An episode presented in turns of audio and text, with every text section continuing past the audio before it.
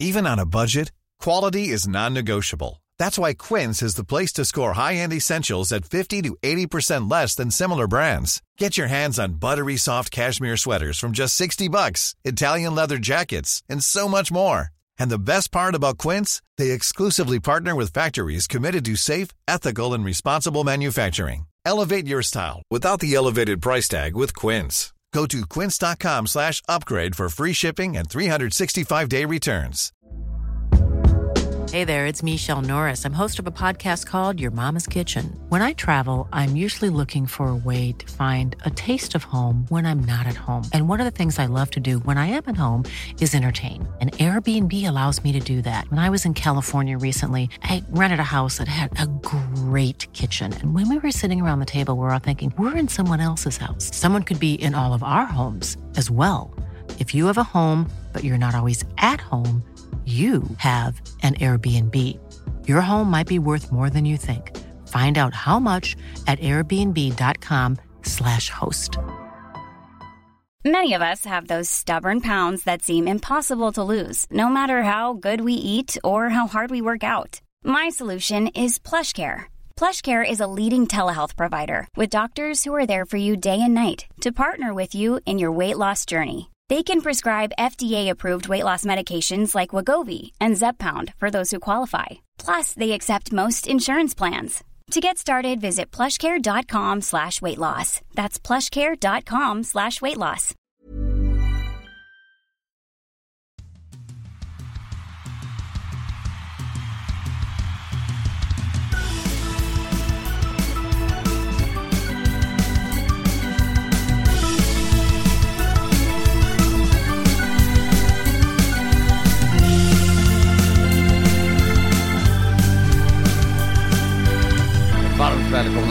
Till ett nytt avsnitt av Ringside. Det är torsdag förmiddag. I vanliga fall brukar jag sitta här med Fredrik Söderström har ju varit med från starten. Sen har ju Daggen kommit in eh, när han blev expert på TV4 också, men nu är det ju faktiskt så att båda de är på resande fot. Och då är det tur att man har känningar i mediebranschen och i hockeybranschen. Mot mig sitter just nu eh, eh, vad som hade kunnat vara en av eh, media-Sveriges bästa mustascher. Jag skulle inte säga att den är topp 5, men... Den är inte ens topp- den är inte ens topp Vem är det 10 jag har äran att ha med mig idag? Ja, hej på dig. Eh, Jag kan ju säga det också att eh, du sa att du sitter mot mig. I eh, Hockeypuls den här veckan, i ishockeytävling, så sitter du med mig när vi möter Daggen och Fredrik i ishockeytävlingen. Ja, det släpps nu i veckan. Så att det blir en eh, liten smygreklam, eller en direktreklam som jag trycker in här i podden. Att vill man lyssna till, eh, jag ska inte avslöja hur det slutar, men vill man höra mig och Lars möta de två, då ska man lyssna på Hockeypuls den här veckan. Jag, jag, jag har ju fått äran att vara med två gånger. En gång jag tävlar mot dig och så en gång jag tävlar med dig. Och nu är det alltså Adam Johansson från eh, Expressen, numera även TV4, som eh, har börjat kommentera mer och mer hos oss. Eh, du, eh, det känns som att du är överallt Adam, men du är ju fortfarande ung. Du, du, du jobbar jämt. Du är fortfarande ung. Nej, vet inte katten Lars alltså, jag fyller ju 30 år. Jag har en liten ålderskris faktiskt. Ja. Don't get me started on that age, så att säga. Men jag ska säga det Adam, in- eh, vi, eh, vad säger du? Nej, men innan vi drar igång här så, så måste jag säga att jag är, jag är fortfarande lite besviken över att eh, du inte dyker upp på eh, lördag. För jag pratade ju med Svensson, alltså Johan Svensson, a.k.a. Mr Maddock. Jag vet inte om man behöver säga det nu för tiden, 2024. Alla vet vem Svensson på Expressen är. Eh, han Ja. ringde ju mig igår eftersom att han ska till Örnsköldsvik på lördag när det är Modo-Malmö. Eh, och vi hade ju bestämt en grilldejt då. Eh, så jag ska ju iväg och köpa... Vad sa du? Och skoterkörning. Ja, det är dit jag kommer. Jag, jag ska alldeles strax eh, efter att vi har poddat så ska jag åka iväg och köpa lite korv och hamburgare och så vidare. Men det Svensson sa till mig då, som gjorde att det, liksom, det kittlade till, det var att han sa du, ska jag ta med mig eh, vinterkläderna om vi ska ut och köra lite skoter? Så jag har ju förhoppning att Johan Svensson ska sätta sig på min skoter och eh, köra iväg på lördag. Ja, det måste man ju ha bildbevis på. Det, det känns så givet. Nej, jag, jag ska faktiskt klaga på schemaläggaren. Jag är ju skickad upp till, eh, till Luleå istället för att eh, göra Modo mot Malmö. Eh, jag ska göra Modo-Timrå ikväll i slutspelsderbyt också. Det blir väl någon form av kompensation. Men bara att se Johan Svensson, a.k.a. världens, världens rikaste 20-åring, som sover till lunch på dagarna och som dessutom då inte känns som kutym på en skoter. Det hade Nej. ju varit en syn för livet. Alltså, han, han sa ju det till mig också, eller så här, jag ställer frågan, hur många skåningar tror du har suttit på en skoter under deras liv? Och han sa att alltså, det är lätt 75% som aldrig har ens sett en skoter live. Eh, Kan du inte och- ta honom in på någon skogsparti du vet, där det blir lite snett så han får burka lite grann och så tippa och skotta lösa och köra fast allting? Jo, vi bor ju hyfsat nära ett mindre berg här. Jag är lite sugen på att vi ska bestiga det tillsammans på en skoter. Ja, det här måste, det här måste ju dokumenteras, det har du ju såklart. Jag ska sätta på Eh, men- Men GoPro-kameran du är också på här. Adam för att vi ska snacka hockey, eh, även om eh, det, det såklart eh, lockar ju mer att se Johan Svensson på en skoter än att prata om rubriker från Hockeysverige. Eh, och jag tycker att vi ska börja med det som hände igår. Eh, du satt eh, framför tv-soffan och, och såg på Löven mot Djurgården. Och det var ju, stora delar av Hockeysverige gjorde det också kändes det som, men det var ju det var ju chockerande. Man läste laguppställningen. Djurgården åker dit med i smått ett halvt juniorlag. Och med eh, tre ordinarie center där borta. Jag räknar Norman som center, han kan ju vara ytter också. Och ändå vinner de. Om vi börjar med det från Djurgården, vad de åker upp med för förutsättningar till den här matchen. Ja, Nej, alltså jag är extremt eh, imponerad av Djurgården och hur de har sett ut under eh, Micke Holmqvists ledning. Alltså, jag, jag trodde kanske inte att han skulle få den här effekten på laget som han har fått, framförallt med tanke på skadorna som du nämner också. Alltså Linus Eriksson, han är första centern imorgon, i eller igår, i, i toppmöte mot eh, Björklöven. Och, alltså när jag tittar på honom, jag blir så otroligt imponerad av hur han för sig ute på isen. Det ser ut som att han har varit i ligan i 15 år. Alltså, han ligger rätt i banan hela tiden, han har ett byte i, till exempel i tredje perioden då han är första gubbe upp, smäller på en Björklöven-spelare, sen direkt hem eh, i egen zon, snappar upp en Björklöven, får tar pucken av honom, sätter igång spelet. Jag tycker att han Alltså, det- jag ska inte säga Noah Östlund-vibbar, för Noah Östlund är en större talang och Linus Eriksson, vad kan han gå? Kanske en andra, tredje runda nu i sommar. Men jag tycker att han visar prov på att han på sikt kommer att bli en gedigen och riktigt bra svensk tvåvägscenter. Ja men 06, här, vi var inne på det igår också. Det var ju ett genidrag att flytta ut Victor Nilsson på kanten tillsammans med Klasen. Och så har då eh, Linus Eriksson däremellan. Det, det känns ju som att den kedjan var hur bra som helst. Ja. Och alltså apropå Micke Holmqvist här också, nu vet jag inte om du håller med mig, men eh, jag skrev det till Sanne och Svensson igår. Kul, Sanne och Svensson. Ehm, att jag tycker att Micke Holmqvist, han utstrålar ett storfalloslugn i studion. Jag vet inte om man får säga könsord i den här podden. nej, nej, nej men alltså, han står där, jag tycker han känns liksom självsäker, han eh, har ett sätt att svara på frågorna som jag tycker att man får ett förtroende från honom som ledare för Djurgården. Och sen en liten detalj som jag vill lyfta fram här också Lars, det är att såg du smilet till Fredrik när han eh, ombads att eh, svara på vad han tycker om matchstraffet? Ja, ja, jag såg det.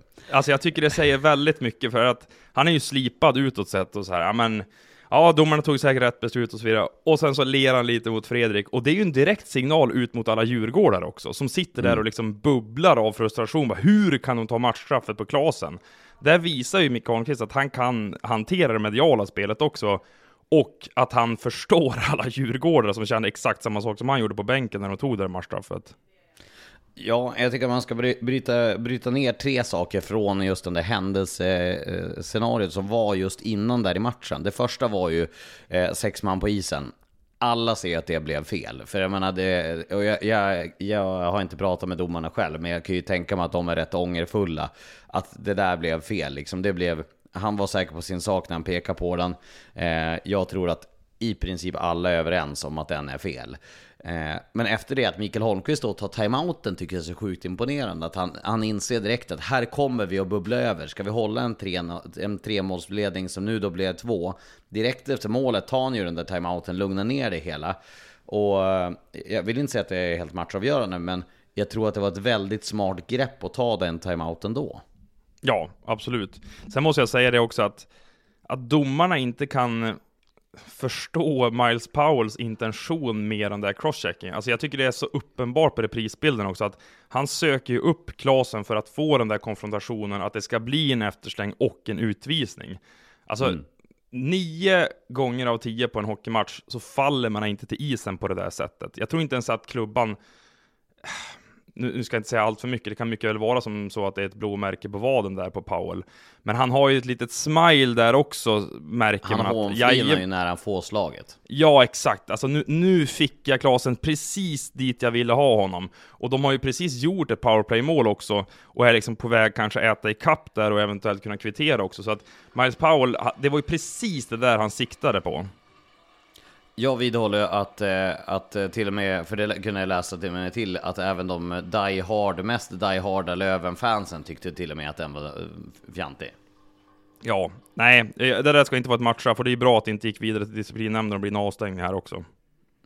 Ja, vi, vi får, vad sa du? Eh, ta det där en gång till, jag hörde dig dåligt där. Eh, det är ju bra också att eh, det här inte gick vidare till disciplinnämnden och att det inte blir en avstängning av det. Nej, det hade ju däremot kunnat avgöra matchen eh, och det hade ju varit tråkigt utfall om det då först sex man och sen den där utvisningen. Eh, det känns som att eh, visst, att han får inte hugga med klubban så. Ge han en tvåa, kvitta den, då är det väl eh, lika bra. Men jag vidhåller ju att eh, den crosschecking Miles Powell sätter är ju, jag menar, tar den på rebenen, där har du inte jättemycket skydd som hockeyspelare. Beror ju lite grann vad du har på, för skydd såklart, men det känns ju inte som en Klasen åker runt med en, med en rustning. Nej men alltså, ta den mellan handsken och armbågsskyddet också, då kan det ju vara ett brutet ben där också om man trycker crosschecken tillräckligt hårt. Nu vet jag inte hur mycket kraft det är i den där från Powell egentligen.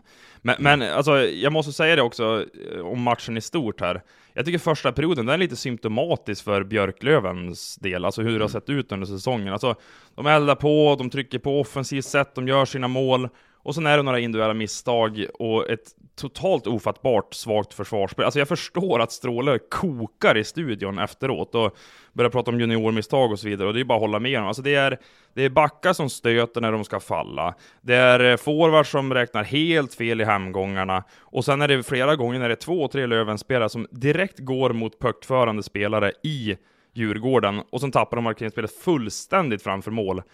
Ehm, jag förstår faktiskt inte hur det kan se ut så hos ett lag som har så många allsvenska matcher totalt sett tillsammans. Alltså det här är ju ett av de mest beprövade lagen i hela serien faktiskt med mest rutin i ligan, definitivt. Och jag menar, man såg ju dessutom, det- var ju på det där målet som Victor Nilsson gjorde, hans andra, det är ju Daniel Rahimi som tjuvar och ska gå bakom mål. Det är ju helt obegripligt. Men det här måste ju liksom falla tillbaka på någon form av stress, liksom att man vill så mycket framåt. Vissa av misstagen är ju det, eh, att man liksom helt enkelt gör misstag. Men det måste ju landa i någon form av iver till att få till det där förlösande framåt.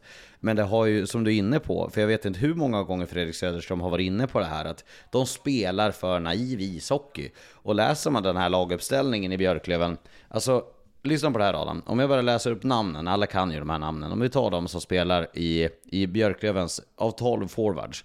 Fortier, Mustonen, Wiklund, Dover Nilsson, Weigel, Schilke, Puli, Powell, Mayer, Sjögren, Possler, Olofsson. Hur många av dem är defensivt skickliga? Ja, det är en väldigt ju bra fråga. Det är väl kanske Possler, Sjögren i stunder, inte jämt. Möjligtvis eh, Weigel ibland och Joel Musten och Wiklund då och då. Men resten är ju full glas fram, framåtspelare. Det är ju Men folk som vad- är rena offensiva spelare. Ja, jag, jag håller med Lars, och vet du vad jag saknar hos Björklöven? Och det har jag gjort under ganska många säsonger. Det är en identitetskedja. Alltså som Freddan, Wiklund och Selin var under två säsonger. De var ju fantastiskt bra om det var 1920 eller 2021 där. Jag tycker inte att eh, de tränare som har varit i Löven därefter, alltså med Wallson och Stråle, har hittat den riktigt. Nu ska det ju vara Fortier, Mustonen, Wiklund, och visst, stundtals absolut. Men jag, jag tycker att så här, det finns inte en eh, Lundberg-kedja, till exempel som i Växjö. Eh, Jörgen Jönsson startar ju alltid med den fjärde kedjan i varenda period, när det ska försvaras ledningar och, och så vidare. Det ser jag inte riktigt i Björklöven i dagsläget. Nej, och eh, till råga på det eh, så är ju Fredrik Andersson fortsatt lagkapten. Han spelade 22 sekunder igår, fram till det att, eh, till andra perioden. Hur, kan man vara, hur ska man kunna vara lagkapten och spela 22 sekunder? Ja, men samtidigt, jag måste försvara Stråle där. Alltså jag, jag högaktar Freddan verkligen. Det gör både- jag också, verkligen. ja, men som men det blir fortfarande problematiskt mot den, de andra grupperingarna. Ja, ja, ja, jag förstår det, men alltså som sagt, jag, jag gillar honom som kapten skarpt, även som människa, men han är många år förbi sin peak. Alltså, mm, tittar man kvalitativt sett så det är klart att Powell, Weigel, Mustonen och Olofsson, de andra centren, går före honom. Även Fast jag tycker att Björklöven den här säsongen har en faktiskt ganska en svag centersida om man jämför med de andra topplagen. Alltså skulle du ta, visst, Miles Powell han är supervass offensivt sett, men de andra har ju inte sina bästa säsonger i karriären just nu 23 24. Alltså Jakob Olofsson, vad sa du i sändningen igår? Det var första poäng på 31 matcher. 31 matcher utan poäng. Nu var han för, förvisso väldigt bra igår och gjorde 1 plus 1. Men 31 matcher utan poäng, det säger ju lite grann om, om, om självförtroende som finns igen då. Ja, alltså jag minns när Thomas Montén tog ut honom till JVM-truppen för några säsonger sedan och sa att ja, men på sikt kommer det här vara en av de ledande svenska centrarna i NHL. Det är faktiskt tråkigt hur den eh, karriärsutvecklingen har sett ut under de senaste åren, att han är uppsatt som fjärde center i ett eh, allsvenskt lag 2024. Och, och, då ska vi säga det om Jakob Olofsson. Jag, jag eh, tränade på ett gym i somras och, och eh, träffade, jag bor i Umeå, så jag träffade Jakob Olofsson väldigt många gånger där. Jag pratade med honom någon, gång, någon enstaka gång. Men han var verkligen där och körde stenhårt, så jag trodde att han liksom hade fått poletten att falla ner. Att liksom, nu måste jag träna, jag kan inte leva på den här talangen. Måste göra det där extra. Så jag trodde att han skulle ha ett år som skulle gå uppåt. Jag trodde han skulle få en eh, form av revansch i sin karriär. Istället har han ju en av de tyngre karriärerna, eh, eh, säsongerna i sin karriär. Alltså du nämnde ju forwardsidan här i Björklöven. Mm. Um, jag tycker det är rätt spännande att jämföra Björklövens backsida mot Djurgårdens igår. Alltså mm. om man ska snacka stockholmarna här då. Andersson Johansson första par, Ytterell Karlsson, Hammarlund Egnell och Bergström. Du har ju tre direkt offensivt viktade backar i Johansson, Andersson, Ytterell. Du skulle kunna argumentera för att Karlsson är en bättre offensiv back än defensiv också. Och ändå så ser det så pass mycket bättre ut i Djurgårdens defensiva spel än hos eh, Björklöven. Um, och det måste man ju härleda till vad Micke Holmqvist och Andersson har gjort sedan de tog över i höstas. Ja, men eh, så, såklart är det ju extremt imponerande och jag menar jämför man namn för namn, eh, Djurgårdens backsida med Björklövens backsida, om man bara rent ska gå på namnen så ska det ju vara en utklassningsseger för Björklöven på namn. Eh, och sen ska vi säga att Pontus Johansson, det var väl sista matchen nu också innan han åker tillbaka till Frölunda. Hammarlund förra säsongen i division 1 och har Degnells och Bergström som är juniorer. Kevin Karlsson eh, har ju förvisso fått eh, en revansch, men han var ju långt, stora delar av säsongen i, i fjol rejält i frysboxen. Eh, och Axel Andersson har ju haft eh, skadebekymmer eh, efter den där, och plus då avstängningen som han satte crosscheckingen på, på Kilki i den första omgången i år. Eh, men med det sagt så, jag menar, Carl-Johan Lerby, Brandon Manning, Linus Kronholm, Daniel Rahimi, Jesper Lindgren, Mattias Nörsteby och Kim Johansson ska ju vara en stabilare backsida än vad Djurgårdens är. Men ändå så är det ju Djurgården som är det laget som ser stabilt ut igår. Ja, jag håller med, 100%. Jag, jag har två andra tankar från den här matchen som jag skulle vilja dra med dig. Yes, kör. Um, Alltså man pratar ju ofta om att Hockeyallsvenskan, det är ju en uh, utvecklingsliga och det är ju där talangerna får ta sina första skär som seniorspelare och vad fantastiskt det är att se hur de tar för sig och så vidare. Och absolut, det är ju många i Djurgården som gör det med, ja, med Eriksson har vi redan hyllat och Minifimpen, eller vad han har fått för smeknamn här. Men mm. det är ju ändå anmärkningsvärt, när man tittar på de bästa spelarna i Hockeyallsvenskan den här säsongen, Lars, det är ju gamla gubbar. Framförallt de bästa ytterforwards. Jag listade några här. Mix Indrasis, 33. Linus Widell, 39. Mackan Eriksson, 39. Konstantin Komarek, 32. Rickard Gynge, 37. Linus Klasen, 38. Anton Rödin, 34. Jag skulle säga att det är de ytterforwards, förutom Jakob Packa, som jag tycker har varit bäst den här säsongen.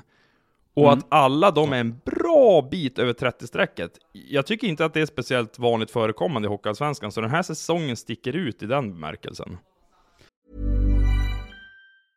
Ready to pop the question? The jewelers at BlueNile.com have got sparkle down to a science with beautiful lab-grown diamonds worthy of your most brilliant moments. Their lab-grown diamonds are independently graded and guaranteed identical to natural diamonds, and they're ready to ship to your door. Go to Bluenile.com and use promo code LISTEN to get $50 off your purchase of $500 or more. That's code LISTEN at Bluenile.com for $50 off. Bluenile.com code LISTEN.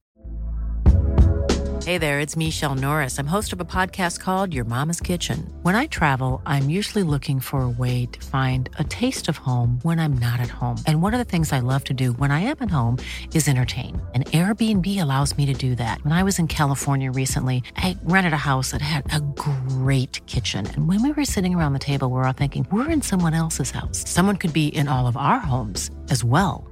If you have a home, but you're not always at home, you have an Airbnb. Your home might be worth more than you think. Find out how much at airbnb.com/slash host. Hey Dave, Yeah, Randy. since we founded Bombus, we've always said our socks, underwear, and t shirts are super soft. Any new ideas? Maybe sublimely soft. Or disgustingly cozy? Wait, what? I got it. Bombus. Absurdly comfortable essentials for yourself And for those facing homelessness. because one purchased equals one donated. Wow, did we just write an ad? Yes. Bombas. Big comfort for everyone. Go to bombas.com slash ACAST and use code ACAST for 20% off your first purchase. Ja, men en intressant spaning. Och jag tror att man kan härleda den till att det är de spelarna som har flyttat hem. Ett alternativ. Alternativ två, att det är de som har råd att lägga pengar på sådana som inte är på väg uppåt i karriären. Medan en SHL-klubb kanske mer ser att ja, de har inte fått den rollen i det här laget. Det säger lite grann om kanske att, eh, att toppen i Hockeyallsvenskan har pengar att kunna rekrytera sådana spelare. Att ha Daniel Brodin dyr, Marcus Kryger dyr för att de är hemvändare och har dem liksom som någon form av nav. För de har råd, de här toppklubbarna har det. Medan för fem år sedan så hade inte klubbarna råd och det var inte de ekonomierna. Och visst, det har ju varit nere stora klubbar i Hockeyallsvenskan, men det kanske inte alls på den digniteten vi har haft de senaste tre åren. Nej, och eh, alltså det här är ju ett eh, yttre steg utifrån den här diskussionen med att det är de bästa spelarna i ligan just nu är så pass gamla. Jag tycker också att det är ett relativt svagt guldgallrenår. Um, Ja. Visst, du har ju de där tre killarna i Mora, de har ju kommit väldigt starkt på slutet, men jag tyckte inte att de inledde den här hockeyallsvenska säsongen speciellt förtroendeingivande. Och visst, Brandsäck Nygård är kanske favorit till att ta hem det, men Westerheim tvåa, och jämför med de två med tidigare vinnare av guldgallret, så tycker jag ändå att det är ett steg ner. I fjol var det exempel Carl Lindbom, men du hade Noah Östlund, du hade Jonathan Lekkerimäki, du hade Liam Ögren, och säkert någon annan som jag glömmer nu. Så att det är ett något svagare guldgallrenår också. Eh, ja, men det tycker jag definitivt. Alltså, det, det är ju bara att se på konkurrensen. Det, det är väl Theo Lindstein och några till liksom som, som faller in på det där eh, juniorblocket. Men det är ju inte jättemånga. Men Elias Pettersson har inte varit eh, så dominant i, i Västerås, minst sagt. Hannes Hellberg Ja, jag- kanske? Ja, han, Hannes Hellberg har ju varit bra. Men, men även, även om du säger Hannes Hellberg, det är inte så att jag bara, ja han måste ju vinna. Så det, det är ju, Carl Lindbom var ju i princip, eh, alla röstade ju på Carl Lindbom. Alla röstade på Emil André. Alla röstade på Samuel Ersson. Och Kalle Klang var väl året däremellan. Jag tror att jag delat ut det fem år i rad nu. Och jag tror att det är de fyra. Vem Mattias Norlinder va? Ja, men det är de som har stuckit ut. Och alla har ju varit i princip eh, helt enig jury. Ja. Intressant det du säger där, det, det har varit målvaktstungt på, Mm. ehm, på den trofén. Ersson, Klang, Lindbom senaste fyra, tre av, tre av de fyra senaste åren målvakter. Ja, Mattias Norlinder klämde väl in sig däremellan Just det, va? Norlinder har det där också ja. Vem är det mer? Jag har delat ut en till tror jag. Ja, skitsamma. Men eh, det, det Då har var- varit målvaktstungt, verkligen. Du verkligen. har varit med för länge Lars. Ja, jag vet. Det är dags att börja göra något annat. Nej, sen den, den andra grejen... lastbil snart igen. Exakt. Den andra grejen jag ville ta från matchen. Jag vet att mina kollegor eh, Sanni och eh, Svensson återigen har varit inne på det, deras podd, men så här. Ska Djurgården ta steget upp till SHL den här säsongen? Tror du att de kan göra det med målvaktsparet Andrén Hävelid? Alltså jag var ju på plats under eh, JVM i Göteborg och eh, Hugo Hävli var ju fantastiskt bra förutom i finalen mot USA. Men jag tycker att han inte liksom framstår lika självsäker och har samma pondus som han har haft i landslagströjan som han har i Djurgården den här säsongen. Och Viktor Andrén, visst, han har haft varvat några fantastiska insatser här under säsongen, men jag tycker inte att han kanske haft en jämnhet som man behöver för att kunna vara bra i ett slutspel över en och en halv månad. Nej, jag håller med. Jag håller med. Jag tycker att Viktor Andrén, alltså, det är så svårt att, att avfärda liksom Viktor Andrén med tanke på att han har gjort det. Han gjorde det i ett Växjö som var ju dopat bra med, med Elias Pettersson. De vann ju under finalserien med 21. Han, han räddade alltså 99 av 100 skott under den finalserien, vilket är helt sinnessjukt. Men alltså, Eh, Lars. Men eh, nej, jag, jag håller med i tesen. Men jag tror att Djurgården får gå in och köra med Hävelid och Andrén ändå. För jag tror inte att de kan brott, brottas med de andra som letar målvakt. Södertälje kan de förvisso buda över, men Brynäs letar ju också en målvakt som bekant. Och så himla många målvakter som är bättre än Viktor Andrén kommer inte komma ut på marknaden. Nej, alltså så här, Viktor Andrén, eh, han har varit en bra allsvensk målvakt i Almtuna i många år och visat det stundtals i Djurgården. Men jag skulle, faktiskt med all respekt för Viktor Andrén, skulle jag vilja ta ner hans insats i slutspelet 2018. För det Växjölaget, Skellefteå 13-14, Färjestad 0-2, det är de bästa svenska lagen i modern tid skulle jag vilja säga, som har tagit guld. Och så Väx, Växjö, vad var det? Vad var det Växjö 18? 2018, Skellefteå 13-14 och Färjestad 0-2. Mm. Nej, jag håller, eh, det är helt villig att hålla med. De, de tre, hade jag gjort en lista, eh, nu 02 liksom, det, det minns jag inte tillräckligt bra.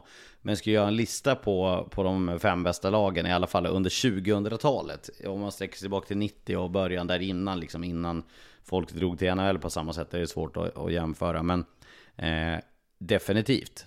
Alltså Växjö 18, Skellefteå 13, 14. Ja, och Färjestad. Ja, nej men det köper jag. Det köper jag. Vi hade ju... Det, det fanns ju några lag till där man väl slänga in. När vi går runt millennieskiftet med Sedinbröderna där, att de inte vann mot Brynäs det året. Det var ju ett rätt bra lag också. Men kanske inte på den här digniteten. Nej, alltså säg att eh, Modo hade tagit guldet när de slutade etta i grundserien. De tog över 100 poäng då, en bra bit över. Det var ju en otroligt imponerande grundserieinsats då. Men hade de vunnit det året, då hade jag kanske kunnat klämt in dem på en topp 5-lista, absolut. Men nu blir de ju diskvalificerade eftersom att de inte nådde till den där sista stationen. Nej, Nej jag håller med. Men eh, som du säger, det, det, men, men eh, men frågan, vi kommer att komma in på det när vi går vidare här, för jag tänkte att vi ska gå över till, till Brynäs.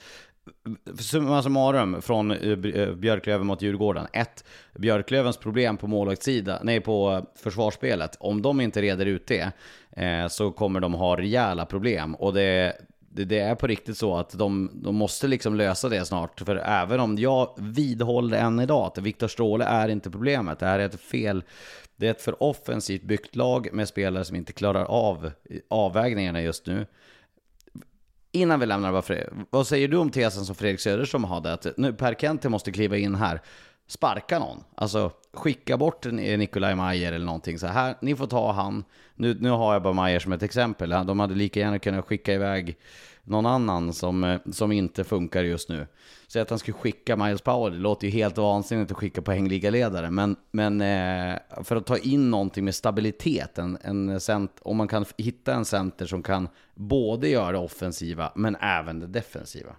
Ja, men var hittar du den spelaren Ja. i slutet av januari, någon vecka innan deadline? Det är ju i princip hopplöst på en ganska död marknad. Alltså jag förstår ju Fredriks resonemang där till 100%, men det man brukar göra i ett sånt här läge då, det är att kicka huvudtränaren. Och jag menar, säg att Stråle skulle förlora, eller Björklund skulle förlora nu på fredag, eh, och fortsätta vara så hemmasvaga som de har varit. Vad hade ni statistik på? Det är tionde sämsta hemmalaget. Och det är inte ett Björklöven som jag känner igen. Alltså varenda gång jag har varit i Umeå senaste åren, då har jag så här, ah, men jag räknar med en Björklöven-seger nu, för de är så pass bra på hemmais. Ehm, så att jag tror att det första som ligger till hands, är att det blir någon spelrekrytering. Där skulle jag faktiskt vilja slänga fram John Dahlström som ett alternativ för eh, Kente. Han värvade ju honom till eh, Oskarshamn. Dahlström var jättebra när de tog klivet upp i eh, SHL under Kentes eh, ledning, Håkan Åhlunds ledning då. Jag tror att han skulle kunna komma in här och göra ett bra jobb i en fjärde, tredje kedja, eh, lite boxplay-minuter kanske, och även kunna ingå i ett andra PP. Han har ju faktiskt gjort 16 baljor i SHL en säsong. Eh, sen var det väl en liten one-hit, one-wonder över, över det faktiskt. Men, men, Vägrar ja. han eh, Hockeyallsvenskan? Är det därför han, han inte går dit? För han lär ju ha haft anbud, eller Ja, Brynäs har väl varit där och ryckt lite i honom också tror jag. AIK också hörde jag. Ja, så att eh, det är några klubbar som eh, följer honom. Men nu verkar det ju som så att han ska avsluta säsongen i Hockeyallsvenskan eftersom att det inte finns något alternativ för honom i SHL. Och med tanke på den connection som finns där, Kente, Dahlström, Oskarshamn, så undrar jag inte om den gode Per tittar lite ner mot eh, Småland, om nu Dahlström är kvar där i Oskarshamn. Jag vet inte om han utgår från någon annan ort nu när han inte har spelat med dem under säsongen. Ja, men med tanke på vad som finns på marknaden så känns det ju som att det är det de, de får ta. Jag tror ju att, eh, att Per Kente står och, och ringer ganska frenetiskt till, till Axel Ottosson och säger det att eh, du, när ni missar den där slutspelsplatsen, att nu är det dags, vi behöver en center här till våran andra kedja. Kan du tänka dig att ta den? Men så här då, du som är, jag har ju sagt det flera gånger och även i, i podden Hockeypuls, att du gör Hockeyallsvenskans stora affischnamn. Eh, Ja, så det, du, jag vet, det kan jag tycka att ta i, men... nej, men så här, och nu, nu, får, nu drar jag till sin spets kanske, men Karl Helmersson, Viktor Stråle, vem behåller jobbet längst? Ja, då tror jag faktiskt Viktor Stråle. För jag tror att Karl Helmersson, där, eh, där är det en förlust från att eh, han ryker. Stråle har ju kontrakt till 2026. Jag tror att det räddar honom också lite grann. Plus att jag tror att man, man kan ju ändå se liksom där att problemet Visst, det är hans ansvar att få till det här. Eh, och det är jag helt enig på. Men jag tycker att det skickar ruggigt dåliga signaler när Nick Schilke och Scott Pooley står liksom och skrattar och flabbar och när man förlorar en sån där match. Jag, jag, jag tycker att det skickar ruggigt fel signaler.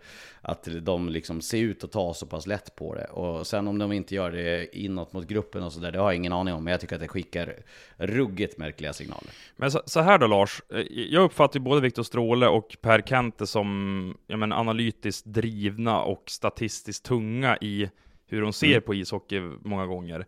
Undrar om det kanske har blivit lite för mycket av den varan i Björklöven, att de skulle behöva någon motpol till det i staben. Alltså, nu tänker ju alla såklart på Perra Jonsson, för han, han blir ju alltid exemplet. Men någon som kanske lugnar ner det här lite grann, för jag håller ju med dig i det du sa tidigare, att det upplevdes stressigt i Björklöven igår. Att man ville lite för mycket. Alltså det kanske behövs en god gubbe just nu, för truppen i sig tycker jag ska leverera bättre än vad den gör just nu. Alltså, de är ju på väg mot, jag tror det är 85 eller 86 pinnar i grundserien den här säsongen. Det är den klart sämsta noteringen under eh, sportchef Per Kentes tid i Björklöven. Eh, Vilket säger ganska mycket om hur illa ställt det har varit. Visst, man kan hävda att de underliggande siffrorna ser ut som de gör, att de är bra, bla bla bla bla bla. Men vi vet ju alla, det är en klyscha, men det är poängen som räknas i slutändan.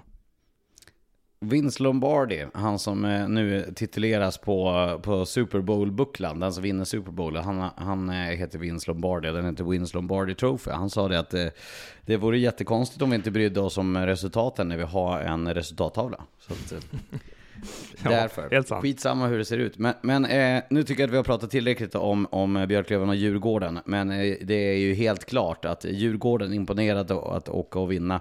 Men Björklövens problem, de, förstå, de, eh, de står kvar. Eh, jag tänker att vi ska ta oss till Gävle. Och målvaktsfrågan där är ju fortfarande levande. Eh, Vad, vad tänker du om den situationen? Vi ska ju säga det att Damian Klara har ju alltså vunnit lika många matcher som Jona Voutilainen. Som har stått eh, dessutom fler matcher. Så Damian Klara har ju ändå gjort det väldigt bra. Men han har ju själv nu också gått ut och sagt att jag behöver konkurrens. Ja, helt klart. Sen tycker jag att de två statistiska kolumnerna, alltså antal vunna matcher och antal insläppta mål per match för målvakter, jag tycker inte att de att man ska gå allt för hårt på dem, utan då är det andra eh, stati eh, statistiska kolumner som är bättre, alltså typ räddningsprocent Såklart. och eh, räddade skott i skottsektorn och så vidare. Men, men jag förstår vad du menar. Och Damien Clara, han, alltså, han har varit jättebra senaste månaderna här, men jag har ju skrivit det här på Expressen flera gånger, att Brynäs, de måste värva och det borde de ha gjort i höstas redan tycker jag. För ser man till de lag som har gått upp i SHL från Hockeyallsvenskan de senaste 20 åren så har det bara hänt en gång att ett lag har haft en 18-19-åring i eh, mål. Och det var Jonas Enroth i mitten av 00-talet eh, när SSK tog eh, klivet upp. Så han behöver konkurrens, han behöver någon som kan ligan. Och där har jag faktiskt ett förslag till eh, sportchef Johan Alsen.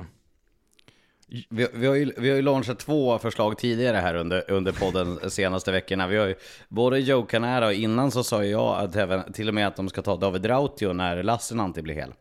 Ja, jag, jag hörde det, men jag tänker i andra banor här. Um, nu vill jag inte föregå någonting i programmet, men uh, varför inte ringa Torsten Yngvesson i BIK Karlskoga och fråga så här, okej, ja men ni har gått bra på slutet, absolut, men ni kommer inte ha någonting med SHL att göra ändå när slutspelet startar. Vad säger ni om att eh, chippa iväg Marcus Hellgren Smed till oss? Eh, ni får en ganska bra peng i utbyte. Alltså Hellgren Smed har varit en av de bästa målvakterna i Hockeyallsvenskan senaste två åren skulle jag vilja säga. Um, Han kan allsvenskan, han skulle kunna vara en 1A, 1B-lösning i Brynäs just nu, kunna avlasta Klara. Och sen får man se vilken av målvakterna som är bäst för dagen i ett eh, slutspel. Det skulle ändå kunna vara ett bra alternativ för dem om de inte hittar något på den öppna marknaden eller kan ta något från SHL. Det är ingen dum idé Adam. Ska, jag- ska jag understryka den idén så är det ju två saker som ska adderas till den teorin. Ett, Mikael Skoga har ont om pengar. Det har ju varit fakta. Ett, eh, den andra, de har kontrollår. De måste ha en extra miljon på sista raden i bokslutet. Och låt säga att de står där den eh, 14 februari och ser så här att den här miljonen saknas. Då kan Brynäs betala den miljonen för Marcus Hellgrens med. Ja, och jag säger inte att han ska vara en frälsare och att han givet blir en liksom Johan Holmqvist Brynäs-hjälte. Men jag tror absolut att han eh, skulle kunna hjälpa Klara och pusha honom ännu mer. Kanske att man kommer gå in i slutspel med Klara som första målvakt, men ser man till de senaste åren, bara kika lite snabbt på hans eh, siffror. Alltså från 2021 och framåt så är det kanske en topp 3, topp 5 målvakt i Hockeyallsvenskan totalt sett. Jag tycker att det är, en, eh, det är ett rimligt förslag. Karlskoga-fansen kommer ju aldrig att köpa det. Men om man går ut och kommunicerar det att vi, vi räknar inte med att kunna nå SHL. Vi lånar ut Hellgrens med i tre månader. Eh, och får... Ja, men för det ska de ju ha minst en halv miljon för att ens fundera på det. Ja, vad var det? SSK... Miles Powell var det 700 000 någonstans snackas det om när han gick till, eh, till HV71 från, från Västervik. Ja, och Golovkovs i fjol som köptes loss av SK eh, från Almtuna innan deadline, jag tror att det var 250 000. Så men någonstans däremellan då, mellan 250 och 700 000. Ehm, för Helgen Smed, han har ju kontrakt över 24-25, så det är klart att Bicka Skoga vill ha honom i mål nästa säsong. Men jag, jag, jag håller med dig där. Tre månaders utlåning till eh, första maj, det är väl eh, inte en dum lösning för de två parterna. Mm. Nej men jag, jag tycker att det är, en, det är ett intressant alternativ. Och eh, som, som säkerligen Johan Alsen har, har lärt sig nu, att nu, nu gäller det liksom att försöka hitta kreativa lösningar för att eh, låsa upp en marknad som eh, där nyckeln har gått av i låset och svetsats fast så får man ju då ta till en kofot och bända sig in med en målvakt. För att nu är ju, det är ju på riktigt nu, jag ska inte säga att det brinner i knutarna, men vi har tre veckor, sen är det deadline. Ja, nej, så det måste ju hända någonting helt klart från eh, det hållet. Ja, och nu dessutom då för Brynäs. Nu, Brynäs leder ju eh, Hockeyallsvenskan med så pass god marginal. De har ju 12, hade ju 12 poäng igår. Eh, nu eh, är det någon poäng mindre tror jag. Men eh, intressant, Wessel skadad. Han, det är 9 poäng nu. Wessel är skadad, borta fyra veckor minst. Och Keller är in, ännu inte riktigt tillbaka. Eh, men det har man ju råd med nu i Brynäs. Det känns ju som att de inte riktigt, där borde inte skon stå gå och klämma liksom. Nej, och de ska ju absolut inte stressa tillbaka de spelarna på något sätt, utan den där, den där truppen kommer kunna lösa första platsen i grundserien helt klart och ha hemmaplansfördel i slutspel och få välja motståndare. Alltså vi vet ju det Lars, de senaste två säsongerna vilken enorm fördel det har varit med HV71 och Modo. Framförallt att man får dem det näst bästa och det tredje bästa laget troligtvis i den andra semifinalen som får liksom puckla på varandra. Och så är de mörbultade där till eh, finalspelet. Det har ju varit liksom ett lyckat eh, koncept för det första sidade laget i slutspelet varje år. Bara för att understryka det då. Eh, det var ju Fredrik Söderström som sa det att eh, vad händer när två tigrar slåss? Jo, en dör och den andra är rejält skadad. Vad hände med Djurgården när de kom in i finalserien i fjol? Jo, de kommer dit utan Carl Lindbom med skadad Marcus Kryger. Det är, kan ha, jag, jag säger ingenting emot Modo, men det kan ha varit skillnaden. En hel Kryger, en hel Carl Lindbom. Så pass små marginaler är en sån här finalserie. Jag säger inte att den skulle ha ett annat utfall. Men jag säger att det var det som skedde, att Djurgården kom med två, sina två viktigaste spelare skadade till finalen. Ja, och backar vi bandet till 2022-finalen med HV71 Björklöven där, då tycker jag att Björklöven är bättre i 5 mot 5, trots att de har enormt många skador. Fredrik Andersson är nere på backplats. Eh, Det är även Rahimi spelar med en halv axel såg det ut som. Ja, Gerard också nere eh, som back i det finalspelet. Hade man plockat bort special teams från den serien och att Björklöven hade haft full trupp, alltså ja, då hade det, då hade det lätt kunnat bli sju matcher, för Björklöven pressade dem ordentligt då. Eh, en annan skada som ju sticker ut i, i Hockeyallsvenskan nu, det är ju Linus Videll. Eh, jag tänkte vi ska prata lite grann om Södertäljes målvaktssituation där också som är minst sagt intressant. Men först och främst Videll. Eh, det som gjorde mig orolig när Linus Videll blev skadad, det var ju den första grejen är ju att Videll blir skadad ungefär samma tid i fjol. Det var lite senare tror jag i den matchen mot eh, Modo och Theodor Niederbach-duellen som vi minns. Eh, men då fick ju han eh, det lät runt omkring som att Linus Widell kanske kunde spela tidigare än vad han faktiskt gjorde. Men kom ju aldrig tillbaka. Och nu är jag då orolig för Södertäljes vägnar att om Linus Widell liksom kanske blir hel, men att han själv inte känner att han riktigt till hundra är det. Då kanske det är Linus Widell som kommer in och funderar lite grann när han ska spela och kanske inte ens kommer tillbaka tillräckligt snabbt. Jag menar, går Södertälje in i ett slutspel utan Linus Widell? det är ju som att eh, Djurgården kommer dit utan Kryger, Björklöven utan Voutilainen och Brynäs utan Johan Larsson och Anton Redin i princip. Ja, absolut. Um, utan Linus Videll och en vettig första målvakt, då ser jag ju att Södertäljes tak i ett slutspel, det är ju en semifinalplats. Linus Widell hel, i toppform, kanske att man får in en ny center, vi får se om det blir Hampus Halestam, att man tar in honom från Almtuna redan nu, och att man kanske kan eh, använda sig av Olle Eriksson Ek i ett slutspel om han kommer loss ifrån Modo. Alltså då räknar jag inte bort Södertälje från att eventuellt kunna ta sig hela vägen till en final faktiskt. Men det är ju mycket Nej, om och men kring det. Men det är mycket om och men. Och Adam, nu är det alltså Olle Eriksson Ek som är första målvakt i Södertälje. Det är ju ett lån som för mig jag skulle jättegärna prata med Emil Jörsson hur, hur man har tänkt där. För jag menar, det är klart som tusan att Claes Endre och eh, Thomas Scholl funderar så här. Varför ska vi låna in han i två matcher? Ja, alltså, jag tror att man gör det för att man ser ett scenario där Modo landar in på en ingenmanslandsplats och att deras säsong är slut i början, mitten av mars innan det allsvenska slutspelet startar. Och skulle det hända, då kan man ju faktiskt plocka ner Olle Eriksson Ek då och kunna ha honom i sin målvaktsuppsättning under hela slutspelet. Så jag tror att man ville se honom lite grann, känna och klämma lite grann och se okej, okay, hur hög kaliber är egentligen på Olle Eriksson Ek utifrån ett allsvenskt eh, sammanhang. Så jag tror ändå att det var ett, det var ett spel ifrån Georgsson för att eventuellt kunna använda honom om en dryg två månader när slutspelet startar det gäller ju att vara slug där. För det, det är ju tajt mellan, mellan alla de här lagen. Eh, med Örebro, Rögle, Modo, Malmö och HV71 Oskarshamn. Det blir intressant att se vem som vågar ringa eh, till, eh, till, till Björn i Malmö och säga du om, om, om Werner eller Marmenlind inte behöver lira något mer efter den 9 mars.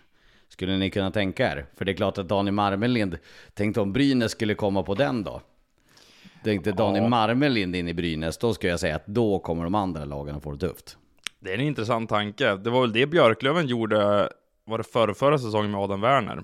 Ehm, mm. och, och, plockade in eh, honom, trots att de hade ett helt okej, eller bra målvaktsspel då med Voutilainen. Nej, alltså... Myrenberg i fjol, då hade Adam Åman i, i HV, stod i den sjunde finalen, eh, den sjätte finalen mot Björklöven. Ja. Skillnaden här är ju att det har varit tydliga andremålvakter i SHL. Varför skulle ett Redhawks låna ut sin bästa målvakt, sin första målvakt och eventuellt riskera att han åker på en skada inför nästa säsong? Nej, det kommer de inte göra. Men eh, de, eh, det går ju att låna honom och att han spelar efter den 9 mars om han inte spelar. Jo, men då tänker jag så här, vill man utsätta Marmenlind för den risken att han åker på en skada i ett allsvenskt slutspel och att han kanske blir borta en längre bit av SHL-säsongen nästa Nej, år? Det, det, så kanske det är. Um, och det är därför så tänker jag att folk inte hör av sig till eh, Örebro för att fråga om Jonas Enroth, men däremot kanske de frågar om Jonas Arntzen om de mot förmodan nu ska hamna i ingenmansland, vilket jag inte tror. Ja, där, där tänker jag på Fredrik Dickov. Alltså, hur, hur fantastiskt bra han var i Kristianstad för två säsonger sedan. Ehm, um, HV71, tänk att de tar sig upp på 11 eller 12 plats. Um, då tror jag absolut att han skulle kunna bli utlånad till ett uh, allsvenskt lag. Nej, men det, det, är ju garanterat så här Emil Göransson har tänkt. Att det är Malmö, Modo eller HV71 som undviker den här sista negativa kvalplatsen. Och därmed så är det de målvakterna som har potential då att kunna kliva in.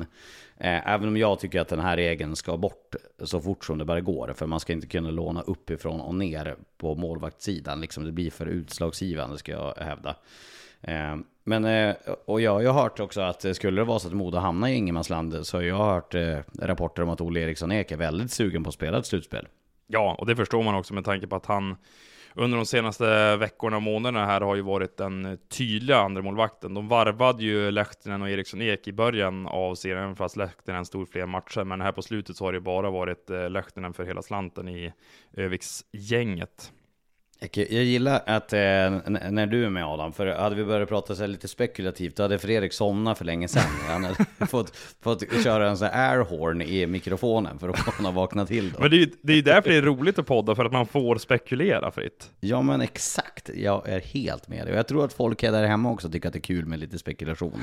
Eh, en, en sak som inte längre är spekulation, det är ju eh, rapporterna om det är inte bekräftat från HV71 eller från Anton Blomqvist, men Anton Blomqvist kom ut dagen efter derbyt att Anton Blomqvist eh, ska träna HV71 nästa säsong. Ja, och här ska vi credda Johan Svensson då på Expressen. Mm. Eh, och Jakob Johannesson, de två som Får jag bara säga en sak med det Adam? Det som Johan har gjort, att han har byggt upp ett sånt renommé, att när Johan skriver någonting så är det sant. Vilket gör att det är ingen som ens betvivlar om det är sant när det kommer ut. För det, om Johan har skrivit det, då är det sant. Ja, Precis så. Ehm, det var väl det Roger Rönnberg sa någon gång här under säsongen också.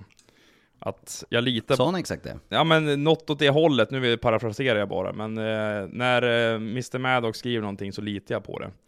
Mm. Eh, ja, och det är ju helt rätt. Eh, han prickar inte alltid rätt, men jag skulle säga 98% av gångerna så gör han det. Ja. Ehm, och Anton Blomqvist till HV, alltså, jag minns ju den första upptaktsträffen som han hade som huvudtränare för AIK. Då satt jag, Svensson faktiskt, och eh, Johanna Dahlén och poddade i Hockeypuls inför den allsvenska säsongen. Och jag sa så här, jag tror att Anton Blomqvist bara blir kvar i det här allsvenska båset en säsong, för sen är det någon SHL-klubb som kommer att chansa på honom. För att han har sån pondus, jag tycker att han ser självsäker ut i båset, och sen har han en stor fördel i hur han behärskar engelskan. För jag tror att han bygger upp ett förtroende hos de nordamerikanska spelarna på det sättet han för sig uttrycker sig. Om man jämför med andra svenska huvudtränare så skulle jag säga att Anton Blomqvist är kanske längst fram när det kommer till att vara dubbelspråkig. Eh, mm. Så det är en stor fördel han har. Och jag tycker det är ett vettigt val här. Visst att det har stormat i HV71 under de senaste säsongerna, men han får vara assisterande nu till Lindbom. Jag ser inte som omöjligt att Lindbom kanske kör ett eller två år och sedan så lämnar man över ansvaret till Anton Blomqvist och då är han plötsligt en huvudtränare i ett SHL-lag, vilket är hans ambition. Mm. Eh, ska vi prata om båten när vi ändå är inne på engelskan? Båten? Ska, ska vi ta båten som vi sitter i och ror? Jo. Adam och Lars-båten menar du? Swedish or English-båten. Ja, oh, herregud. Ja, nej det var ju ett hjärnsläpp deluxe. Du vet ju exakt hur jag känner mig. Ja, man känns ju inte jättesmart eh, när det sker. Eh, för de som inte minns då, eh, jag drar min story får du dra din. Jag intervjuade Mattias Rittula under matchen mellan Luleå och Modo. Det här är alltså 2012. Eh, den 28 december 2012. Ha, har någon berättat för dig Lars hur gammal du är?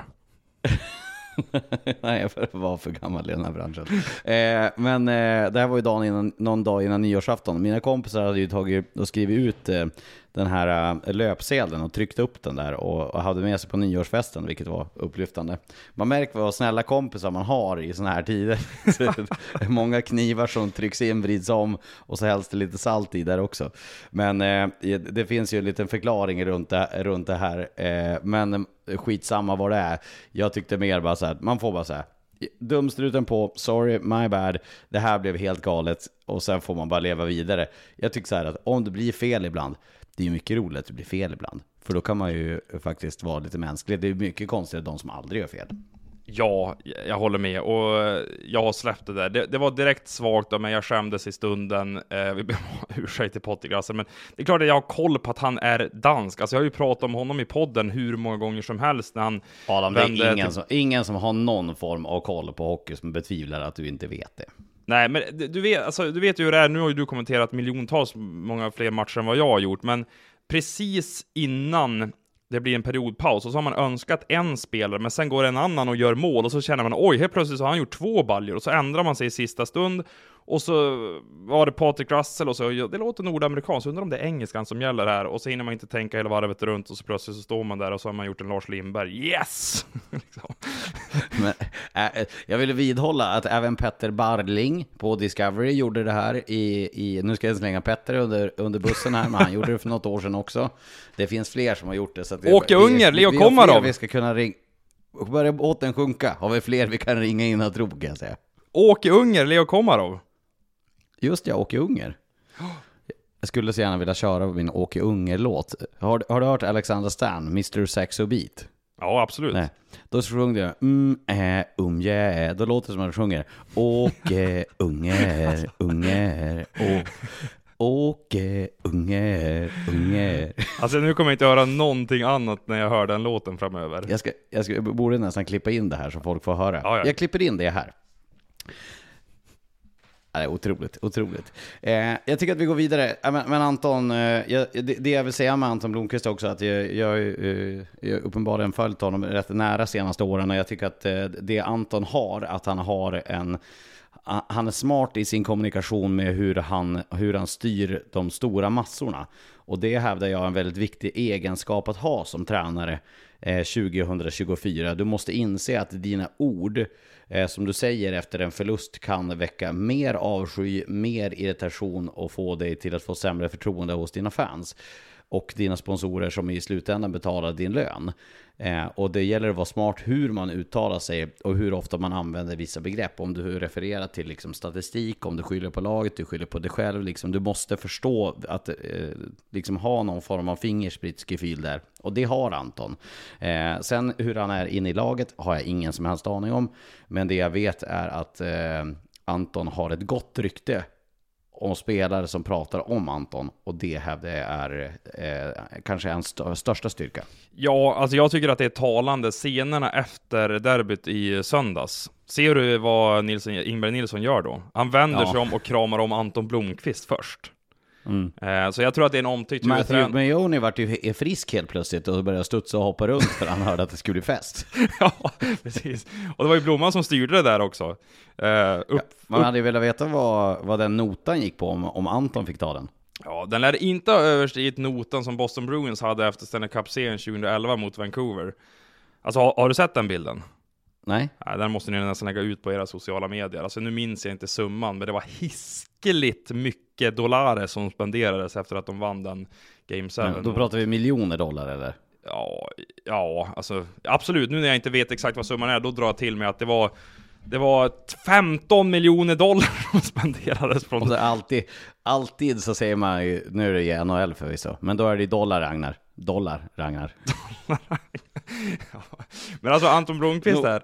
Jag är ju... Nog om Jönssonliga-referenser. Ja, jag såg inte många av de filmerna faktiskt när jag växte upp. Men jag är lite för ung. Det är ju Eh, också det här som säger hur, hur ung du är. Jo, jag man vet. inte sett Jönssonligan. Då är du generation efter. Ja, du, Du, vet... Du Vart vet ju vad... Johan Hedberg? Ja, men jag måste bara säga det. Du vet ju vad Pelle Hägglund och Jon Häggkvist brukar håna mig för. Nej. Den här 90-talsserien som heter Nile City. Har du sagt det? Har du sagt Nile City? Ja, på en flygplats. Jag undrar om det var Arlanda kanske. Jag, jag och Jon väntade in flyget, så satt vi och bara pratade om massa skit. Jag vet inte var vi landade någonstans. Men då frågade jag eh, om han hade sett eh, Nile City någon gång. För jag funderade på att liksom eh, titta i kapp det. Och då Jon bara tittade på mig som ett frågetecken. "Va, Vilken serie pratar du om? Det är otroligt roligt. Men, men för övrigt, eh, är det någon som eh, vi kan ringa som, som kan ro båtar själv när det kommer till engelska så vill vi inte höra några hån från Jon Häggkvist här för då kommer det ju att flyga saker tillbaka väldigt snabbt. Hello Northland Derby! Portland. Och allt vad han sa. Undrar Sourstroming Derby. Eh, nej, det är faktiskt otroligt. Ni- Nile City, den ska jag komma ihåg. Eh, Johan Hedberg, eh, nu är han entledigad. Eh, han är ledig, han har ju lön ett år till. Känns inte som han kommer att sitta ledig så länge. Nej, absolut inte. Eh, gjorde ett bra jobb i Mora, fel rekrytering av Örebro. Man kan väl eh, skicka iväg en dos kritik till Hedberg också som eh, kanske borde ha gjort sin research bättre kring det Örebro-jobbet. Vad sa han i intervjun med er på fyran? Att ja, ett möte hade han med Bengtzén face to face. Det är Jag tror det var lite naivt från båda håll om jag ska Ja absolut. Eh, köper det. Äh, men Hedberg, alltså, han kommer vara attraktiv. Om man, om man tittar till de allsvenska och de SHL-bo som är lediga så är det inte så många faktiskt. Framförallt inte i högsta ligan. Jag funderar ju på Rögle där, vad de kommer göra. Om de väntar in Martin Filander från Oskarshamn, om de skulle åka ur. De kanske kikar på Hedberg också, men i allsvenskan så borde det vara en våt dröm för Västerås. Eh, AIK. AIK absolut och ersätta Blomqvist. Men Västerås, vad är det? Tv drygt två timmar Leksand-Västerås. Eh, det är ändå en helt okej sträcka däremellan eftersom att han har sin bas i, i Leksand med familjen och allting. Så, och Örjan Lindmark dessutom assisterande tränare. De Ja, har, du, det är ju frågan. Tror du, för eh, som jag kan eh, tänka mig så tänker jag, Johan och Örjan var ju, fungerade väldigt bra ihop. Och jag kan tänka mig att Johan helst hade velat ha med sig Örjan till, till Örebro. Frågan är, tror du att Johan till och med skulle kunna, för jag, jag vidhåller, jag gillar Karl Helmersson, det är en smart defensiv hockeysmart människa. Men han har inte det laget för att spela den hockeyn som han vill spela. Och de spelar ju uppenbarligen inte den hockey i Västerås. Han, han är någon förlust från att få sparken och det, det är liksom ingenting jag unnar Karl, för jag tycker att det är en superduktig hockeytränare. Han har någonting. Eh, men kanske inte just i det där laget. Och frågan är då, tror du att Johan Hedberg skulle kunna tänka sig att ta det då? Jag är Eh, tveksam faktiskt. Nej, jag tror inte han eh, skulle kliva in i Västerås bås den här säsongen. För jag menar, vad, vad kan du uträtta i år? Alltså vad har han att vinna på det egentligen? Det här är ju ett Västerås som kommer att åka ut i en... Ja, bästa möjliga scenario är en kvartsfinal för deras del skulle jag säga. Om de ens når s- så långt. Ehm, sen, ja visst, Karl Helmersson, jag, jag, jag förstår vad du menar och jag, jag tycker också att det är en, en duktig tränare. Men sett till vad som har hänt i, i Västerås den här säsongen, alltså Spelarmaterialet är inte så dåligt att det bara är Västervik som ska ha släppt in så många fler mål än vad Västerås har gjort. Jag vet att eh, Östersund och Kalmar ligger på ungefär samma målskillnad ur ett eh, eh, antal insläppta mål perspektiv. Men jag menar, vad är det, 100, nu ska jag säga, 112 insläppta på 35 matcher. Mm. Ja, sen undrar jag lite hur den där tränarstaben, alltså Örjan Lindmark, Karl Helmersson, Niklas Johansson kanske skulle ha adderat, nu har de tre tränare, men han kanske skulle ha adderat något nytt, ett annat element till den. Alltså undrar om de är De tog upp Erik Karlsson från J20 där. Ja, men undrar om de är lite för likriktade, alltså att de kanske behöver något helt annat som bryter av där i omklädningsrummet. Ja, alltså, jag, jag ska vara ärlig och säga att jag, jag tyckte inte att Thomas Pannanen var bekymret i, i fjol heller. Alltså, Thomas Pannanen var, han, han borde ha fått sparken tidigare och det var inte liksom för att Thomas Pannanen bara hade tappat omklädningsrummet och gjort fel, utan det var ju ett lag som, som var för ojämna. Ett lag med en för dålig kravställan och man rensade ut en hel del då efter förra säsongen för att få till det bättre. Man tog in den stora ledaren som skulle vara Konstantin Komarek. Jag tycker att han har varit den stora ledaren. Det går inte att begära så mycket mer av Konstantin Komarek i det här laget. Men det är ju, det är ju ett lag som är de är för ojämna och för dåliga för att mäta sig med topp 5. Alltså det är topp 4. Jag tycker, jag tycker att det är topp 4, topp 5 där. Västerås är för dåliga för att jämföra med dem. De kan absolut i en match, men om du är bra en match av 12 så räcker inte det. Du måste ju vinna kontinuerligt för att tillhöra toppen. Och det, det klarar inte Västerås av. Nej, ska jag vara riktigt elak här Lars? Ja, men ibland får man vara lite krass. Ja, alltså, så här, jag, jag har bott i Västerås, jag gillar stan, jag gillar föreningen, jag var runt den, jag har polare där. ehm. men så här, Västerås under de senaste tio åren, bortsett säsongen 18-19 när de slutade på en tredje plats, det är den mest intetsägande klubben i hela Hockeyallsvenskan. Alltså de ligger och skvalpar där i mitten, det händer ingenting, de pratar om att det ska vara en SHL-ambition, att det är tre år nu som de ska liksom sikta mot att ta steget upp, och så faller det platt varenda gång. Alltså de är lite Örebro i fotbollsallsvenskan för mig faktiskt. Och när de var i fotbollsallsvenskan ska jag säga, när de slutade 8-9 varenda år i Örebro där, säsong efter säsong. Nej, Västerås, jag vet inte, det är... Det, det, det, det är en... var tar man det här någonstans egentligen nu i sommar också? Ser man Ja, över både Det är tränare och... spe- intressant. Adam, tänk så här då. Vad, varför vill, eh, även om Konstantin Komarek har ett kontrakt, varför ska han vilja stanna där? Tror du att det här är, tror du att det här, det här är den vardagen han vill ha? Nej, alltså jag ser ju... Nu skrev väl han två år va? Ja, han har ju ett år till. Men det vet både jag och du att det går att lösa. Ja, och jag tror ändå att det... Alltså jag har ju funderat på Konstantin Komarek till deadline redan nu, 24. Jag tänker att Luleå skulle definitivt ta han om de skulle kunna. För det, de, har ju, de har ju plockat ur den båten gamla Luleå-folk tillbaka. Olausson, Rautio. Skulle absolut inte omöjligt att se att Konstantin Komarek avslutar säsongen i Luleå. Är det någon som vill det så är det Konstantin Komarek. För han är, han är Luleå... eh, Bo, inte born and raised, men han är, han, är, han är raised i alla fall. Ja, han sa väl det när han lämnade Luleå, att han bara skulle kunna tänka sig att spela för den klubben i SHL.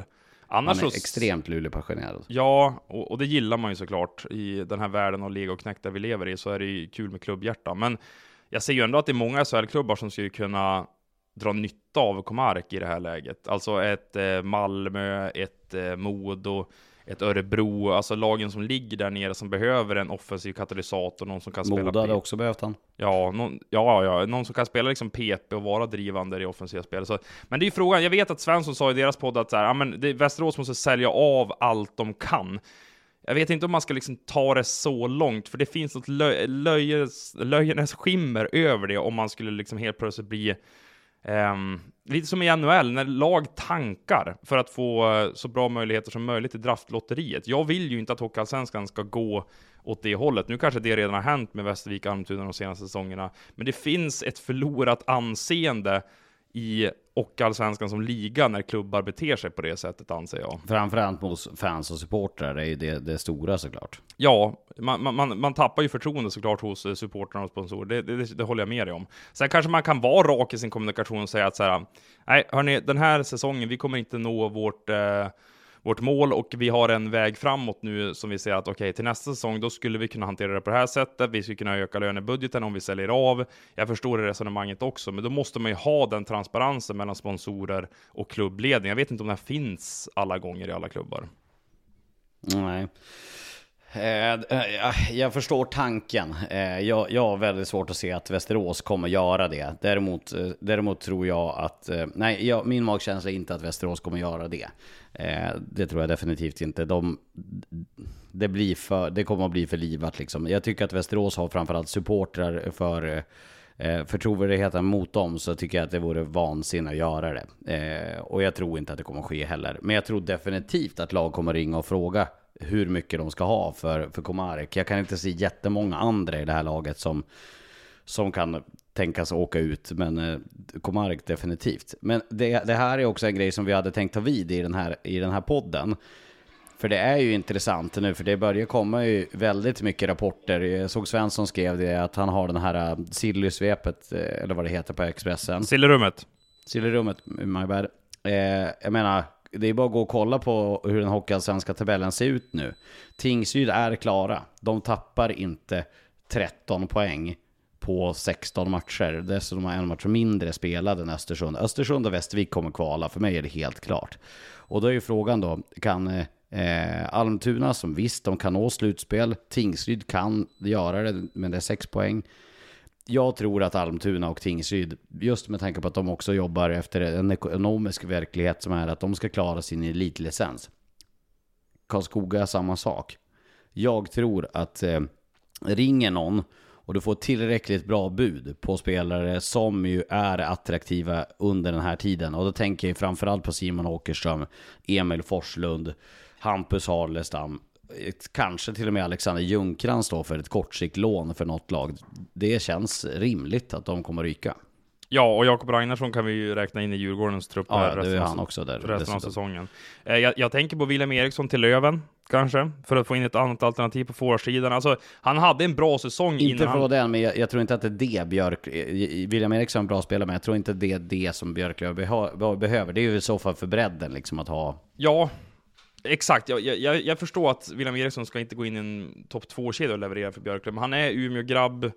Ehm, kanske behöver få in lite mer hjärta och passion i den där klubben. Jag. Han är Vännäs grabb. Ja, okej, Min förlåt. sambo som är fyra och en halv meter från mig här nu, som är från Vännäsby. Du får inte säga Vännäsby heller, utan det är Vännäs. Ja. Så att jag vill bara att vi rättar in det här nu, Ja. för att... Ja, ja. Fick en arg blick här från sambon. Jag, jag vet Arg.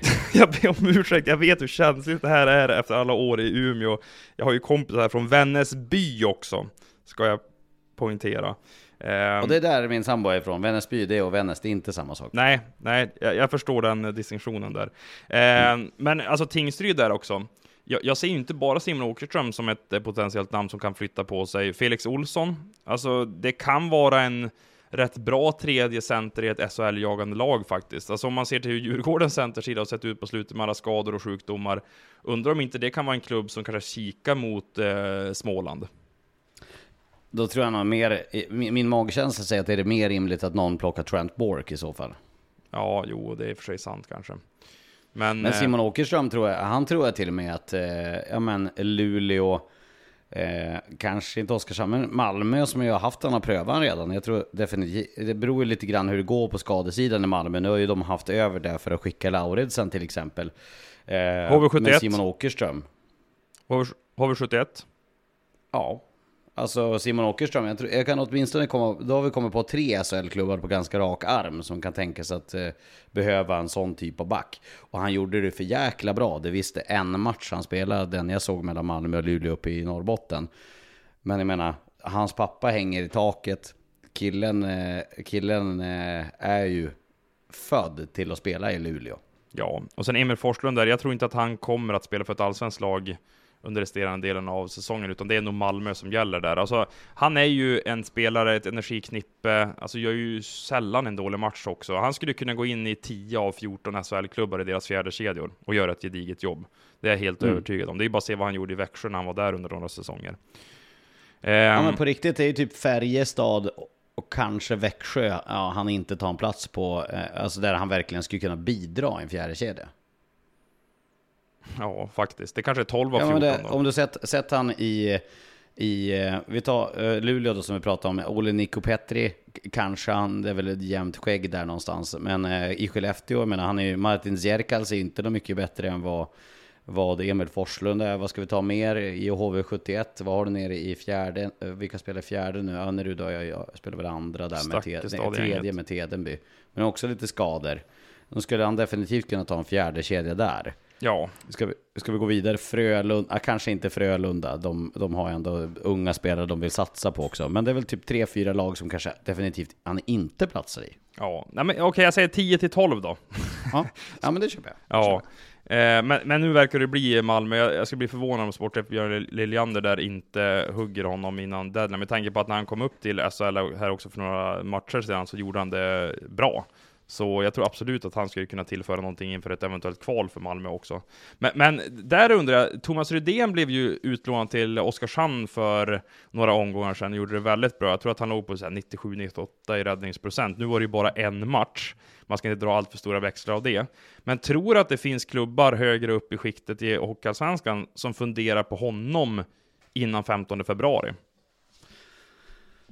Inte till den här säsongen, det tror jag inte. Till nästa säsong så det ska bli intressant att se om någon är, är intresserad av- Thomas Rydén för en liten högre plats. Det kommer ju rapporter i veckan bara om att Oliver Håkansson ska till Södertälje nu till exempel i Almtuna. Det, det verkar ju vara i princip done deal. Eh, men eh, nej, jag, nej, det tror jag inte. Jag, Rydén tror jag i så fall är som namngiven trea för något lag, men inte mer än så. Men inte ett Eh SSK som vill stärka upp målsägaren Brynäs som kanske inte får loss någon målvakt från den öppna marknaden, att man kanske kliver in med Rydén som andra målvakt i Klara. Eh, nu tänker jag liksom... Ja, det, det är ju den i så fall. Det är väl i så fall den. Om, om Alsen är riktigt liksom pressad och inte hittar någonting eh, på marknaden och bara känner vi måste ju ha en seniormålvakt. Då ska jag kunna tänka mig att de kan ta idén. Men det är väl typ det enda scenariot jag kan se framför mig också. Ja, det, det har ju ryktats lite om att Kalmar ska sälja spelare, men, men jag vill bara säga det till dem, att så här, nej. Det är första säsongen i HA, fullfölj med den här truppen, få lite slutspelshockey i den där fina arenan och bygg upp ett intresse för framtiden. För jag menar, jag- jag tror Kalmar har för mycket att förlora på att börja sälja av spelare i det här läget. Visst, det liksom ger sköna sedlar till börsen här och nu, men jag vill ändå kunna ta Kalmar seriöst i framtiden. Inte att det ska bli ett nytt Västervik eller Almtuna som börjar skeppa iväg så fort de är i ingenmansland och, och behöver lite extra pengar. Nej, men där, där har du ju två stycken de hade kunnat få väldigt, väldigt bra betalt för. Alltså, eller jag vet inte, jag vet inte hur Väyrynen och, och, eh, och den andra Temu står sig, men Kim Strömberg och Tim Theo Charities tror jag definitivt att folk hade plockat upp. Definit alltså Tim Theo Charities, att ha den offensiva spetsen. Det spelar ingen roll hur, hur virrig han är liksom i, i försvarszon, men om du kan sätta honom i, i den rollen i ett lag som behöver en offensiv back. Det är klart som tusan att någon skulle nappa på det. Fast grejen är så här, hur många lag här och nu behöver en offensiv spjutspets? Ja, i och för sig, nu när du säger det. Men det är ju typ bara Mora av de allsvenska topplagen. Jag tror att de andra vill få in lite kilon och mer defensiv prägel på sin backsida. För det blir mycket mer tillknäppt i ett eh, slutspel och fysik brukar ofta eh, väga tyngre, om man ska säga så då, Ja. än eh, Och jag tror inte att. Mora kommer att värva Tim Theo Charities. De kommer inte slänga upp 450 000 för det liksom. Så, så den, den faller ju liksom på, på orimlighetens begrepp på det sättet. Men eh, nej, nej, men det, det är ju som du säger. Ja. Men Kim Strömberg hade någon tagit. Det är jag helt övertygad om. Det håller jag med om. Det håller jag med om. Men jag tror inte att de flesta lag där, alltså Björklöven, Brynäs, eh, Djurgården, Södertälje och så vidare. Jag tror inte att de tittar på den prototypen för sin backsida, utan då är det nog andra värden de liksom skattar högre faktiskt i den här spelarrekryteringsjakten. Verkligen. Vad kul att ha en sån här podd. Spå, eh, det- vi får nästan ha en till sån här när vi spånar loss en ny deadline day. Du, ska vi köra en deadline-podd Lars kanske? Brukar ni, brukar ni köra något sånt eller? Alltså vi har gjort det något år i eh, NHL-puls om jag inte missminner mig. Eh, Det, det tråkiga, det är ju att deadline day är ju ganska överskattat sett till att det är rätt få spelarövergångar som sker då. Det, Det, ju var of- när hela Lettland släppte där. när K hela Lettland skulle in i SHL och Allsvenskan. Ja, men jag minns att eh, i fjol så körde vi någon eh, deadline day-bevakning, jag och Svensson eh, kopplade upp via Skype och så sände vi ut det på Expressens eh, hemsida. Vi hade ju flera sportchefer då som pratade om marknaden, vi hade någon spelare som hade bytt klubb. Jag minns att Jens Löke gästade då när han precis hade blivit klar för Björklöven, så att någonting åt det hållet kanske vi kommer sikta på från Expressens eh, sida också. Då kanske du får en, eh, ett, eh, en gästinbjudan också. Det enda jag kan bidra med, för att jag, jag vidhåller ju att, att släppa nyheter är ju ingenting som jag lägger jättestor eh, vikt vid. Det, det ser jag inte riktigt som mitt jobb. Utan det är, jag, jag är där för att granska på ett annat sätt. Sen eh, om det, om det dyker in nyheter så följer jag såklart dem, Men, men min första arbetssyssla är ju inte att leta nyheter. Eh, Alltså med nyheter menar jag liksom spelarövergångar. Utan det, dessutom så känns det också lite grann som jag, kom, jag gick in och kommenterade Tour de France två somrar och det kändes så att gå upp mot Roberto Vacchi i det känns lite grann som att börja jaga nyheter mot Svensson. Det, det, känns, det känns onödigt att spilla tid på. Där är ju både du, han, eh, David Giglund uppe i, på NSD ska ha lite cred där. Johan Ekberg dyker på en del. Abris på Aftonbladet är skicklig på det där också. Så att det, det, det Vad sa, nej, du- vad, jag sa håller att, mig till annat. vad, vad sa du att den tidningen hette på slutet? Det är Ak, Aktonbla, Aktonbladet. Ja, Akton, Aktonfladdet. eh, no. Aldrig läst faktiskt. Nej, det ska vi vara snälla med dem. jag förstår att det är din konkurrent Adam eh, när du jobbar på Expressen, så jag har full förståelse för det. Du, eh, Finland då? Ska vi ta Finlandsspåret innan vi ger oss? Vad, vad vi tror om dem i VM 24 här i Tjeckien? VM 25, ja, ombyggda Globen. Hur ska det bli? Ja. Eh, nej, men det är ju, just nu, det, det, så här ligger det till gällande Finland. Att från och med nästa säsong så öppnar man ju upp ligan när man kan åka ur. Det gör att det här är sista året som det är stängt. Jag vill bara säga det att när du säger så här, så här lägger, ligger det till gällande Finland, då låter det som att du ska liksom bidra med en geopolitisk analys. Att, ja, de kom ju med i så här går presidentvalet. E- e- exakt, så går det till och eh, det här var ju anledningen att de klev in i NATO och den processen såg ut så här. Har inte riktigt den trovärdigheten känner jag. Det känns som att eh, Söderström skulle kunna redogöra för det med lite pondus. Söderström är ju ett felbeslut i tv, blir cancellad från att bli lokalpolitiker i, i Dalarna. Han är, ko- han är kommunfullmäktige inom ett halvår om han, om han ryker från tv.